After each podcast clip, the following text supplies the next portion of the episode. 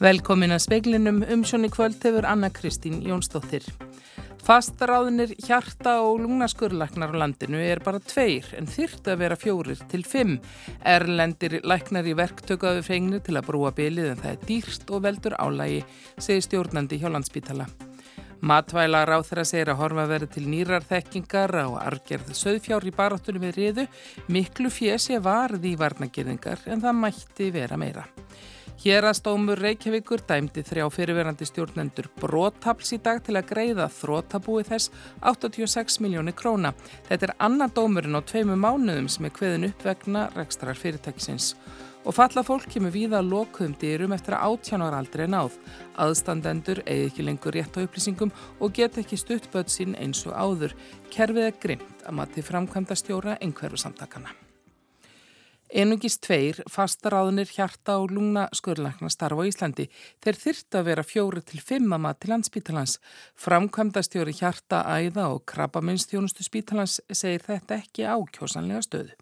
Áður voru mannar fjóra til fimm stöður hjarta og lungna skurðlækna á landspítalanum en á árunnu 2020 fækkaði þeim í tvær.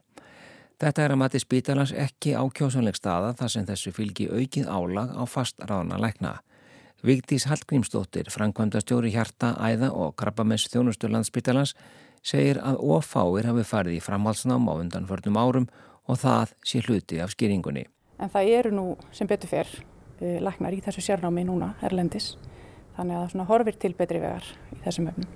Til að leysa þennan vanda hefur verið farin svo leið að fá hingað erlenda lækna í verktöku. Þannig að við erum alltaf með fjóra, fimm lækna á hverjum tíma sem að sinna í rauninni verkefnunum og standa á vaktina. Þannig að þetta hefur alveg verið leist með þeim hætti og mun verða leist með þeim hætti áfram. Vigdi segi dýrara að vera með erlenda verktaka en fasta starfsmenn. Aug þess sé það líka álag á þá förstu starfsmenn sem fyrir eru. Þeir eru meira á vakt og, og auðvitað þurfa líka kannski að fylgja sjúklingum aflýsingarleiknana eftir og svona þannig að þetta, þetta er ekki ákjásanlega stað saði Vigdís Hallgrímsdóttir Benedikt Sigursson tók saman. Svandís Svavastóttir matvælar á þeirra segir að horfa verði til nýrar þekkingar og vísinda í baratu við riðu. Miklu fjés ég varið í söðfjár veiki varnir en ábyggilega mættið að vera meira. Hugur hennar sé hjá fólki í miðferði sem nýverið þurfti að skera fjö vegna riðu. Hryllilegt áfall fyrir það fólk sem að lendir í því uh, og það skiptir mestu máli akkurát núna að hugsa til þeirra og að þau fái þann stuðning sem þarf. Um, sjálf hef ég verið í sambandi við þessa bændur og, og legg mikla áherslu á það að þau fái þann stuðning, þann félagslega stuðning líka sem þarf. Hátti 12.000 kilometrar af gerðingum er í umsjá þessu ofinbera. Hún hluti þeirra skipti landinu í söðfjárveiki varnarhólf. Sumar er gerðingarnar orðnar hörlegar. Svandi segir að miklu fjess ég varði viðhald og varnir á hverju ári þó það mætti vera meira. En núna þegar þessi vendandi argerð er komin og við vitum í raun og veru hvernig á að uh, útrýma reyðu, uh, að þá þurfum við að skoða með hlýðsjóna því uh, hvernig þessu fjármagni og hvernig þessu, þessum kröftum er öllum best forgámsaðað. Horfa verði til þess hvernig megi stemma stegu viðriðu á þessum nýju fórsendum og með hjálp vísindana en kæmi til greina að ríki niðurgreiti sínatöku fyrir bændur svo það geti kannad hvort fyrir þeirra bergen sem ver fyrir riðusmyndi. Þannig að við þurfum að skoða þetta allt saman og leggja saman þá hagsmunni sem að þarna eru undir vegna þess að þeir eru til lengri tími litið. Þá borgar þessi auðvitað fyrir okkur öll að, að stemma stegu við riðu vegna þess að það hefur það er sjúkdómur sem hefur valdið ítrekuðum höggum uh, marga áratví. Saði Svandi Svavastóttir, Kristín Siguradóttir rætti við hann á nánarverður fjallaðum riðu og söðfjárveiki varnir í sjónvarsfrettum klukkan sjö. Tveir fyrirverandi stjórnendur, gjaldþróta fyrirtækis, hafa hlotið tvo dóma á jafn mörgum mánuðum vegna rekstrarins. Þrýr stjórnendur voru í dag dæmdir til að greiða þrótabúi hátt í 100 miljónir króna sem þeir greitu sér út úr fyrirtækinu. Verktakafyrirtækið Brotap var stopnað 2007 og fór á hausinn tíu áran síðar. Það leitt af sér málaferli sem hafa endað með tveimur dómum að undanförnu. Þrýr fyrirværendi stjórnendu fyrirtækisins fengi á sér dómi hérastómi Reykjavíkur í dag. Fólki var dæmt til að greiða þrótabúi fyrirtækisins samtals 86 miljónu króna en skiptastjóri hafði krafist 300 miljóna. Fólki tók fjút af bankareikningi brotaps án þess að geta sínt fram á að peningarnir hefði verið notar í þáu fyrirtækisins. Þess vegna dæmdi dómar við hérastóm Reykjavíkur að peningagreðslutna væri raun ólögmætar lónveitingar. Fastegn einn stjórnandans var kyrsett til að tryggja greiðslu upp á rúma 60 miljónir. Í februar hvaði hérastómi Reykjanes upp annan dóm vegna broteistar sem er brotafls. Sá dómur verist ekki að veri byrtur en vísaði í hann í dómi hérastóms Reykjavíkur í dag. Þar var ákjær fyrir útgáfu rángra og tilhafilausara reikninga fyrir á bylinu 152 til 763 miljónir vegna verka sem ekki voru unnin og starfsmanna sem aldrei voru til samkvæmt ákjærum. Tveir fyrverandi stjórnendu voru sakveldir en fréttastofan hefur ekki upplýsingar um refsingu þeirra. Brynjólfur Þór Guðmundsson sagði frá.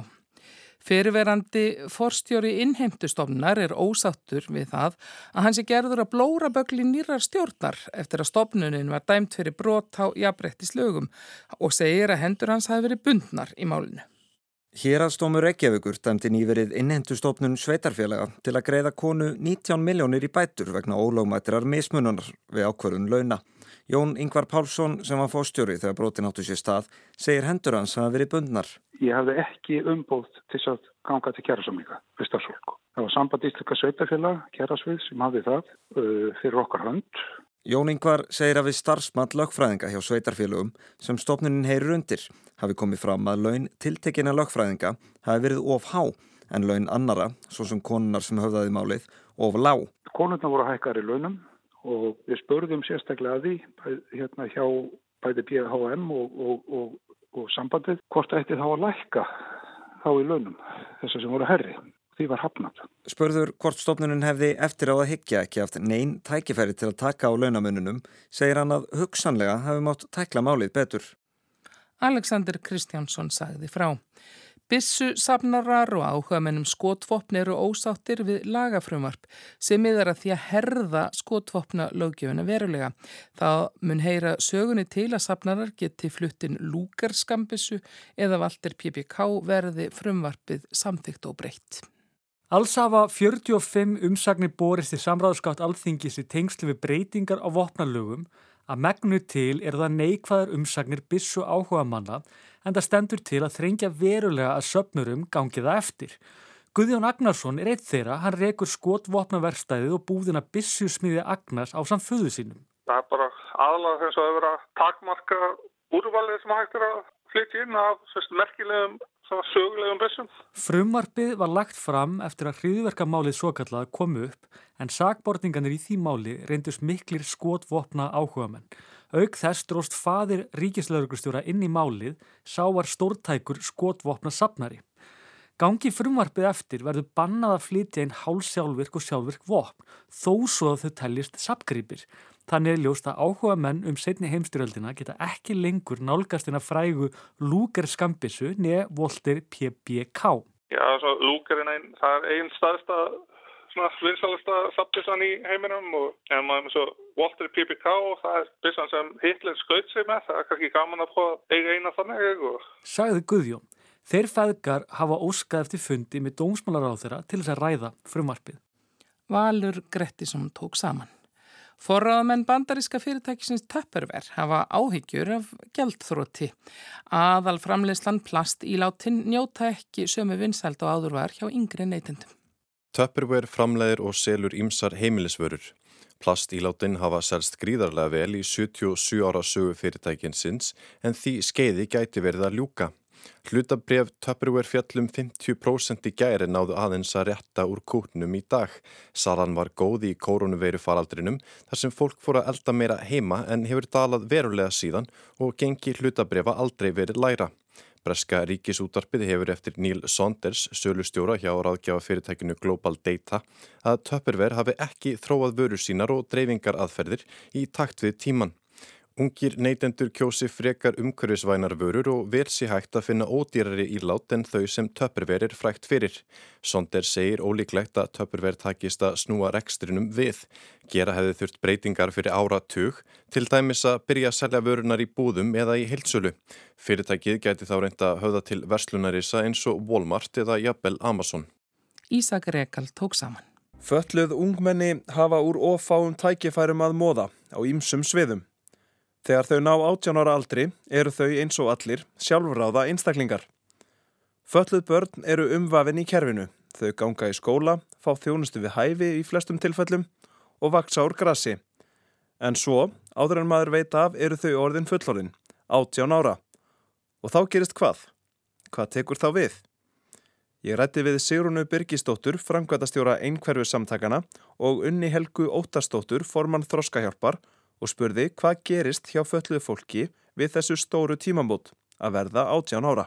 Það er svo sem ímislegt sem gerist uh, og margt til trafala fyrir okkur aðstandendunar allavega. Því að þar með höfum við ekki aðgang að, að hérna, upplýsingum frá félagsstjónastunni, frá skólum og, og öðrum aðeins þess að þau eru kannski stött eða eru í þjónustu. Það lokar á allt slíkt nema að séu vel vilja einstaklingar þar innandýra sem veit okkur það eru upplýsingar en við megum í rauninni ekki fá þar því að þau eru sjálfráða. Og eiga í rauninni að sinna sínum málum sjálf hvort sem þau eru færið það ekki. Hvernig gengur það bara í praktík að, að þau sjáum þessi mál sjálf? Það er bara upp og ofan sögum föllu ungmenni ráða við þetta og, og eru bara fín í, í, í að standa sig meðan önnur þurfa stuðning í gegnum allt sitt líf, það er bara þannig og þegar þau verða áttunar þá eiga þau kannski rétt á að sækja um örkbætur og þau eru ekki færum að gera það sjálf, þau þurfa aðstofið það, það er, þau eru, eru náttúrulega aðgang að heilsuver eins og, eins og aðrir, eru kannski ekki meira af hann skilur ekki og unnur hefur verið að berjast aldrei þar. Mm -hmm. Það er ímst þröskuldar, getur mm -hmm. við mhm. sagt. Við erum í rauninni að einblýna svolítið á stöðu fólks með þróskahamlun og skildafallanir og einhvert fólk. Það er nú svo að eh, nú voru sett lög, ekki fyrir svo lengur síðan, farseldarlegin sem að gerir ráð fyrir því að það sé búið til teimi í kringum einasta, hvert einasta batn. En í þessum lögum um samþettingu þjónustu í þáu farseldarbatna kemur fram að áður en batn verður 18 ára skal stuðningsteimi gera áatunum Það sem fjallaður um í samþættri þjónustu eftir að barni nær fulljónsaldri. En staðan í dag er svo að það er enginn samþætt þjónusta eftir 18 ára. Og aðgengi að heimilisleiknum og sérfræðingum er mjög flóki og það er erfitt að fá lækna til að vinna í teimi. En þessi ungminni sem að við erum svolítið að berjast fyrir þurfa oft tíðum samþætt að þjónustöður mjög flóknar þjónustu þarfir og það er ímislegt sem þarf að hafa í huga eftir 18 ára aldur. Er, þetta eru svona yfirleitt ungminni þar sem að fórildræknir hafa verið að fá umrunagreislur mögulega frá fæðingu eða svona fljótlega upp úr að fyrstu árunum og þegar út orðin 18 ára þá detta þessar greislur út og við tekur annarkvort örorku lífeyrisgreislur eða endurhæfingar lífeyrisgreislur. Unnur segir algengar að fatlað fólk fari á endurhæfingar lífeyri og til þess þarf að endur nýja föllunarvottorð og endurhæfingar áætlun til sex mánada í senn. Endur nýjun kallar á tilherrandi tilstand fyrir fallað fólk. Það er ekki allir sem að hafa það stöðningsneti kringu sem til að halda utanum um all, alla þessa skrifinsku og panta tíma hjá heimilisleginu og annað því að sá aðili sem á að bera ábyrð á þessari endurhæfingar áallun á að vera heilbreyðs mentaður Þannig að það segir svo sjálft að þetta getur verið mjög flókið. Það eru að auki þessi hópur, við vitum það þegar þau eru komið þarna, þau eru búin að vera í, í, í sértildum starfsbrötum með mikla þjónustu alveg frá unga Já. aldri. Þau er ekki að fara í fullt starf á almennu virunuvarkvaði, það er ekki fræðilegu möguleiki. Þannig að við vitum að þau enda á örkbótum. Af hverju ekki að koma þeim inn strax við 18 ára aldur í staðis að flækja þetta svona fyrir bæði einstaklingin og fyrir fjölskyldun sem er að reyna stiðja nýð þessu. Það þurfa að sækjum aftur og aftur og allt þetta ferli sem veldur bara álæg og streitu og sögum að þessum ungmennum vilja ekki þarna tilhæra þessu kerfi, þau vilja, tellis ekki fælli, vilja ekki vera, vera hluti af heimi fallar að ekki vera mert sem öryrkjar og þurfa að minna þau aftur og aftur þau þurfa að skrifa undir sjálf þessa pappira. Þetta er rauninni, já, þetta er ansið grimt kerfi. Til stendur að endur skoða kerfið sem snýrað fölluðu fólki, nánast í heilsinni og segja þær unnur og sigrún brína þörfa á því til að mynda fyrir atvinnu þáttöku fallas fólks. Við fáum alveg mjög mikið að símtölum er tengjast nákvæmlega þessu. Það eru kannski ungminni sem eru að vinna hjá hérna vinnumála, eða fá samning hjá vinnumálastofninu gegnum í stuðningi og til þess að geta verið með þann starfssamning þartu að vera á endur hæfingar lífeyri og, og þá er þetta hluti að endur hæfingar áallin en ef að endur hæfingar áallin dettur út þá missur þau í rauninni starfsamningin þannig að Þetta er mjög flókið mm -hmm. og mjög brínt að laga. Mjög brínt. Suma þessum ungmennum þau þannig, vilja í rauninni ekki fara á örku, þau vilja fara út, út í atvinnulífi beint en það er þrjá stuðning til þess en þau geta ekki fengið atvinnum með stuðningi fyrir en þau eru komin á örku. Þannig að það er allar dyrlokaðar. Þú mörgur að fá jável sinjun um örkubætur af því að þannig sem sagt þau eru ekki búin að reyna endurhefingar leiðina endurhæfing er kannski talin full reynd og virkbúin að vísa þeim frá þannig að þau koma allstar lókuðum dyrum. Þetta er átunumálinn. Hvað með búsetu og fjármál þessa fólks? Hefur það alveg full, full ítök og svona yfirsýn yfir þau? Það er nú bara mjög mismunandi fyrir eftir einstaklingnum hverju senni en nú höfum við barist alveg gríðilega mikið varandi hérna rafrænu skilríkin og sjálfkrefa hafa aðstandendur ekki aðganga að hérna, bankareikningum viðkomandi eftir átjánára. Það er ekkit allir sem að fá rafræn skilriki. Þú þarfst að uppfylla við skilrið, þú þarfst að geta notað eða í rauninni slegin þetta leinorð, fjagrastafa pinnúmer og þú þarfst að geta nota rafræn skilriki bara án aðstöðar. En ef það gengur ekki upp, þá er þetta bara sinnið um rafræn skilriki það er alveg stór hópur ungminna sem að færi ekki einu svona aðgang að, að reikningunum sínum. Einmitt, hvernig gengur það, það upp í árið 2022? það gengur ekkert upp. Ha, ég myndi ekki bjóði það að vera án þess að vera með rafræðan skil ekki eina viku og, og það er spurning hvort við ættum ekki að skora á einhvern til að prófa að vera án rafræðan skil ekki eina viku. Þannig að mér svolítið skifið ykkur fram. Ha, nei, nei, það er ímislegt og þú veist, varandi fjármál, þetta getur verið mjög flókið og svo búsetúræði og það fer eftir því, sko, þetta er líka mjög mismunandi eftir, eftir hérna einstaklingum. Sem þurfa mikla, að hafa mikla þjónustu þörf og þurfa mögulega þjónustu allan sólaringin og, og þá er mjög mikilvægt og það er kannski fáranlegt að hugsa til þess að þurfa að vera að sækja um búsetu úræði þú veist átjónora kannski ert ekki kannski alveg á leiðinni að fara að búa sjálfur en, en það er mjög mikla líkur að þú þurfur uh, mögulega að búa eða býða í tíu ár eftir að fá búsitu við hæfi og þá þjónustu við hæfi þannig að það er um að gera að, að sækja um tímalega. Þetta og fleira er meðal þess sem velt er upp á fræðslukvöldi þróskahjálpar og einhverju samtakana sem framfer annað kvöld. En svo eldist fallað fólk, hún er 67 ára aldri. Hvað gerist þá? Með tilliti til lífeyrisréttinda. Sko lífeyrisréttinda, það, það er reyninni hvort að viðkomandi hafi verið á alminna vinnumarkanum eða ekki. Þú sapnaði ekki neinum réttindum eða þú getur ekki borgaði í, í lífeyrisjóði og annað. En hérna þeir einstaklingar sem eru einungis á grunn örorku lífeyrisbótum alls sitt líf, það, það er bara á strípum bótum, það er ekkit annað þannig að þú átt ekki einhvern sjóð í lífeyrisjóði þannig að Það færði bara bytt inn, inn í ellilífyrir kerfið í rauninni. Já. Og þannig rætti Bjarni Rúnarsson við Sigrúnu Birgisdóttur, Frankvandastjóra einhverju samtakana og unni Helgu Óttastóttur, formann Þroskahjálpar.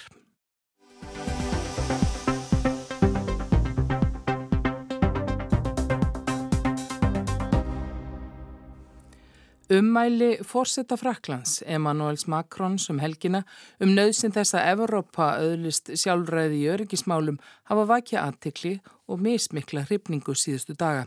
Macron var í ofnberi heimsókn Kína þegar hann let þessi orðfalla í viðtali við tvo evrópska fjölmiðla Gaggrindur hafa bent á að tímasetningin hafi verið óheppileg í meira lægi. Makrón var í Kína á sama tíma og stjórnvöld Þærlandi undibúa heræfingar í nágranni Tævans, spenna eikst í samskiptum Kína og Bandaríkjana. Makrón er núna í tveggjadagi heimsókn í Hollandi og í dag held hann áfram að tala um sjálfræði Evrópu. Björn Malmqvist, fréttarittar okkar í Brussel, fyldist með ræðu Makróns sem hann held í hag síðdeis. Macron er nýkominn frá Kína þar sem hann rætti lengi við Xi Jinping fósetta Kína um efnaðasmál, tengst Kína og Fraklands og ekki síst um Rúsa og Ukrænu og reyndi að fá stjórnveldi í Beijing til að hafa, ef svo má segja, taumhald á rúsum vegna innrásastriðs þeirra í Ukrænu. Kínverjar hafa lengt og ljóst stutt rúsa ef ekki hernaðalega þá allavega með því að verja málstað þeirra á alþjóðavettvangi. Macron veitti síðan tveimur fjölmjölum viðtal í miðri heimsókn þar sem hann lagði áherslu á að Evrópa þurfti að fara að hugsa um sjálfa sig sem alvöru leikenda í stórvelda politík, annars hefur hann ekki lengur valdi við sínum eigin örlögum.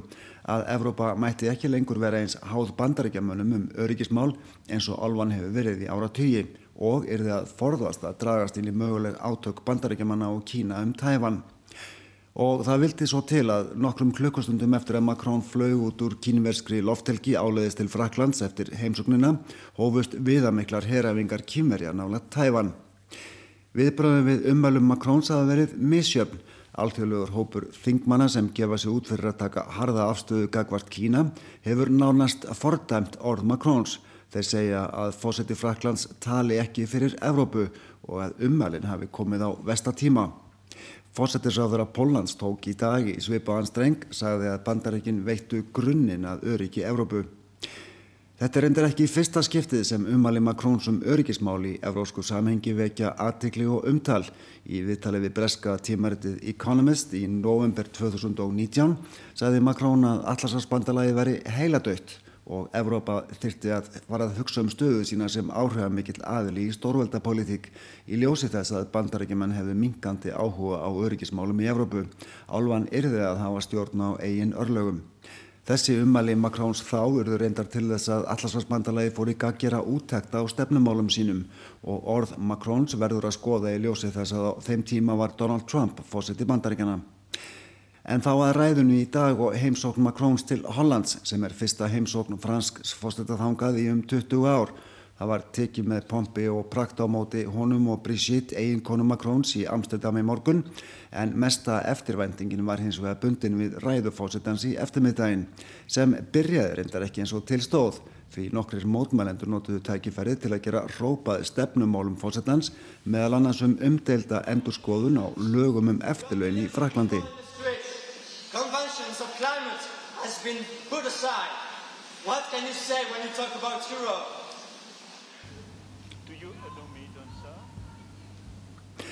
En Macron held svo ótröður áfram.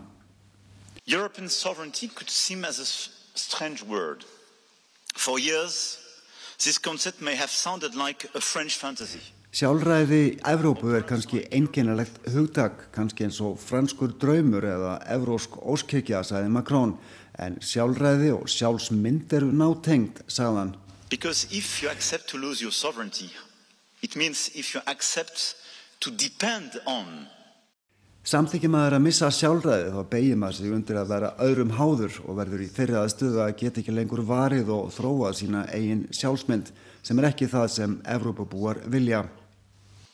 And during the war, those who decided to cooperate, to make trade with neighbors, even if they were not allies, Russia, for energy. Macron benti svo á að tveir atbyrður hefðu settið í brennindipil, annars vegar heimsfaraldurinn og hins vegar innrás rúsa í Ukrænu sem hefði leitt í ljós að þeir sem hefðu viljað stunda viðskipti við nágrannaríki til að draga úr hættunum á átökum, það myndi skapa órjúmanni tengsl, þeir hefðu haft rámt fyrir sér. Rúsar hefðu ákveðið að vopna veða viðskipti með orku og sett ríki Evrópu í erfiða aðstöðu. Stefnuræða Makróns gekk svo út á fimm atriði sem hann telur skipta máli fyrir efnahagslegt sjálfræði Evrópu, samkeppnishæfni, stefnumótun varðandi innframlegslu, viljan til að verja inngreirar og fyrirtæki sem skipta máli fyrir innviði og öryggi, viðskiptasamningar sem ganguð á sameigilega reglur og gildi og samvinni við ríki sem vilja til að mynda komast inn á einri markað Evrópusambatsins. Það má líta á þessa ræðum Macróns í dag sem framalda því sem hann hefur verið að segja um öryggismál en ræðunar verður hins vegar líklega helst minnst fyrir mótmælinn sem mörguðu upp af hennar.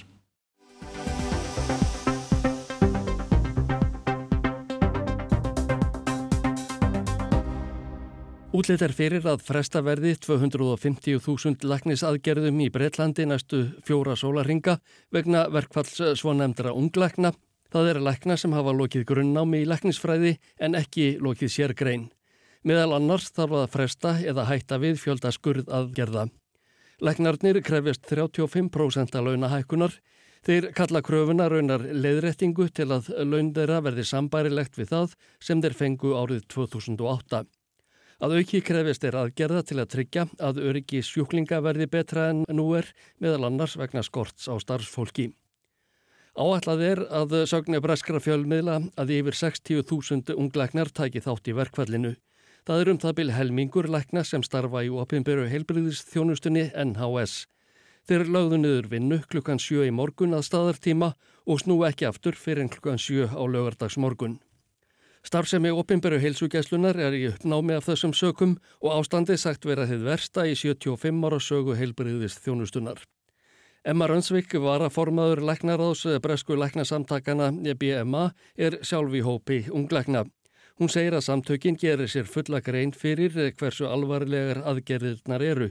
Unglæknar hafi hins vegar orðið fyrir verulegri tekjusgerðingu síðastliðin áratug og rúmlega það. Þá sé samanburður sláandi á launum unglækna í Breitlandi og ýmsum öðrum löndum. People are leaving, meaning that our health service can't cope with the demand it has, our staffing is lower and it makes care worse for everybody in the UK. Fólk segir upp með þeim afleðingum að heilbriðist þjónustan ræður ekki við ástandið. Starfsfólki fækkar og þar af leiðandi versnar ummannun sjúklinga í Breitlandi, segir Emma Rönsvik. Unglæknar hafa enn til samstöðufunda við sjúkrastofnanir við svegurum Breitland í dag. Á einum mótmælaskiltinu mátti sjá að meðal árslaun unglækna á Nýja sjálandi eru jafnverði um það byl 6 miljóna og 400.000 króna. Þau eru um 100.000 krónum herri í Kanada, 7,5 miljón í Fraklandi, 8 miljónir í Ástralíu en einungis 5 miljónir í Breitlandi. Þessi munur leiðir til þess að unglegnar segja skilið við ofinberu heilbriðist þjónustuna og flytja til annara landa. Þar sem kjörin eru umtalsvert betri, ég sagði tal Ellen Bogan, þar sem hann tók þátt í samstöðu fundi með félögum sínum í Leicester í morgun. The problem is that 40% of my colleagues, myself included, are planning to leave the NHS in the next year if nothing changes. That means a permanent strike. That's not seven days, that's 30,000 doctors leaving forever, never to come back. Vandin er að 40% starfsfélaga minna og þar á meðal ég áformað að segja upp hjá NHS næsta árið ef ekkert breytist, segir tal Ellenbóken. Það er ekki sjödaga verkvall, það er varanlegt. Þetta þýðir að 30.000 læknar ætla að hætta og þeir koma aldrei tilbaka. Bresk stjórnvöld segja ekki koma til greina að hækka laun unglæknana um 35%. Í yfirlýsingu sem skrifstóa forsætisráð þeirra sendi frá sér í morgun segir að ekki verði bóðað til neitna viðræðina um kaup og kjör fyrir en bresku læknasamtökin hafi dreyið tilbaka kröfuna um 35% að hækkun. Steve Barclay, helbriðisráð þeirra, segir í viðtalið við Sky fréttastofuna í dag að krafan sé út í hött. A demand for 35% over £20,000 for some junior doctors is not fair or reasonable. Steve Barclay segir að yrði krafan samþygt þýtti það alltaf 20.000 sterlingspunda hækkun á ári fyrir suma ungleikna. Það eru um það byrju 2,7 miljónir króna. Slíkt sé úturöllu korti. Hann bætir við að dyrnarstandi ávalt opnar ef fólk vilji ræða um skinsamlegar hækkanir. We want to engage constructively. We recognise junior doctors have been under significant pressure, particularly from the pandemic. Við viljum ná samkúmulagi og við vitum að mikið álag hefur kvilt á unglagnum að undanförnu, engum vegna heimsfaraldursins, segir Steve Barclay, helbriðis ráþara. Ásker Tómasson sagði frá. Veðurhorfur á landinu til miðnættis annað kvöld. Það lægir smán saman og stittir upp, norðulag átt, góla eða kaldi á morgun, ryggning, slitta eða snjókoma fyrir norðan en yfirleitt þurft siðra hægari og úrkomu minna annað kvöld og hiti breytist lítið. Fleira er ekki í speklinunum í kvöld. Tæknimaður var Kormákur Marðarsson, útsendingustjórnaði valgerður Þorsteinsdóttir, veriði sæl.